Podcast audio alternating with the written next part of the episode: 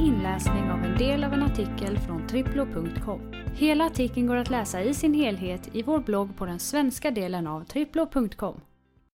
Fem saker att se och göra i Köpenhamn. Tips 1. Ät smörrebröd på restaurang Schonneman. Den som är sugen på att testa den typiska danska smörgåsen smörrebröd ska besöka restaurang Schonneman. Denna restaurang startades redan 1871 och har länge varit ett av de populäraste ställena för alla Köpenhamnsbor att äta sina smörrebröd på. Här kan man från en lång lista välja olika smörrebröd med allt från champinjoner till kryddsill. Priserna ligger på 50 danska kronor och uppåt. Restaurang Schonneman är en typisk dansk restaurang. Väl värt ett besök för de som vill utforska det danska köket. Tips 2. Besök Frihetsmuseet. Till skillnad från Sverige som var neutralt under andra världskriget och slapp de tyska nazisternas terror så tillhörde Danmark en av de länder som fick utstå den tyska ockupationsmakten. Frihetsmuseet berättar historien om den danska motståndsrörelsen under andra världskriget. Och som besökare får man ta del av berättelser om olika motståndsgrupper, danskarnas vardagsliv under kriget, räddningen av de danska judarna, de internationella konsekvenserna av ockupationen och mycket mer. Frihetsmuseet ligger i Churchillparken som ligger nära bland annat Amalienborg. Tips 3. Fynda på inomhusloppisen i Remisen. Är man i Köpenhamn under helgen finns det goda möjligheter att göra fynd på någon av stadens loppmarknader. Har man tur kan man lyckas hitta dansk design, häftiga kläder eller andra föremål till riktigt låga priser.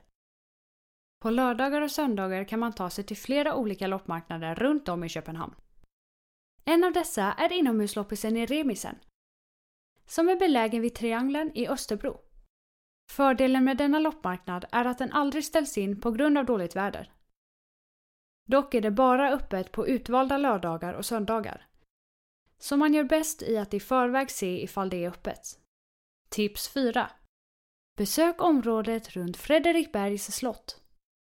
En väldigt trevlig plats att besöka efter att ha vandrat runt på Köpenhamns gator är parkerna och grönområdena runt Fredrikbergs slott. Slottet med omnejd kan liknas vid en oas. Som framförallt under vår och sommaren besöks av såväl Köpenhamnsbor som turister.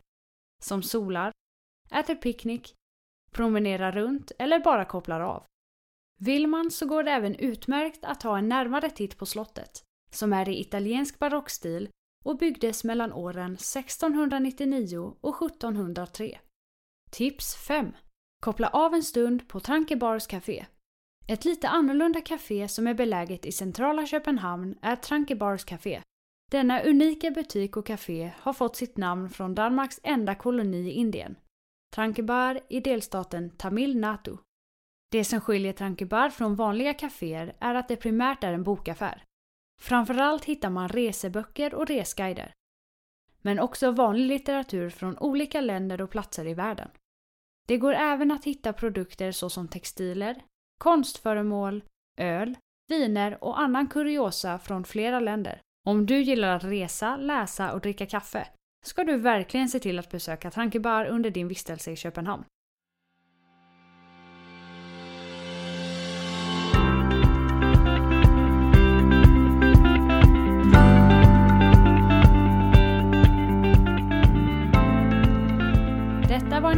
Var av en del av en artikel från triplo.com.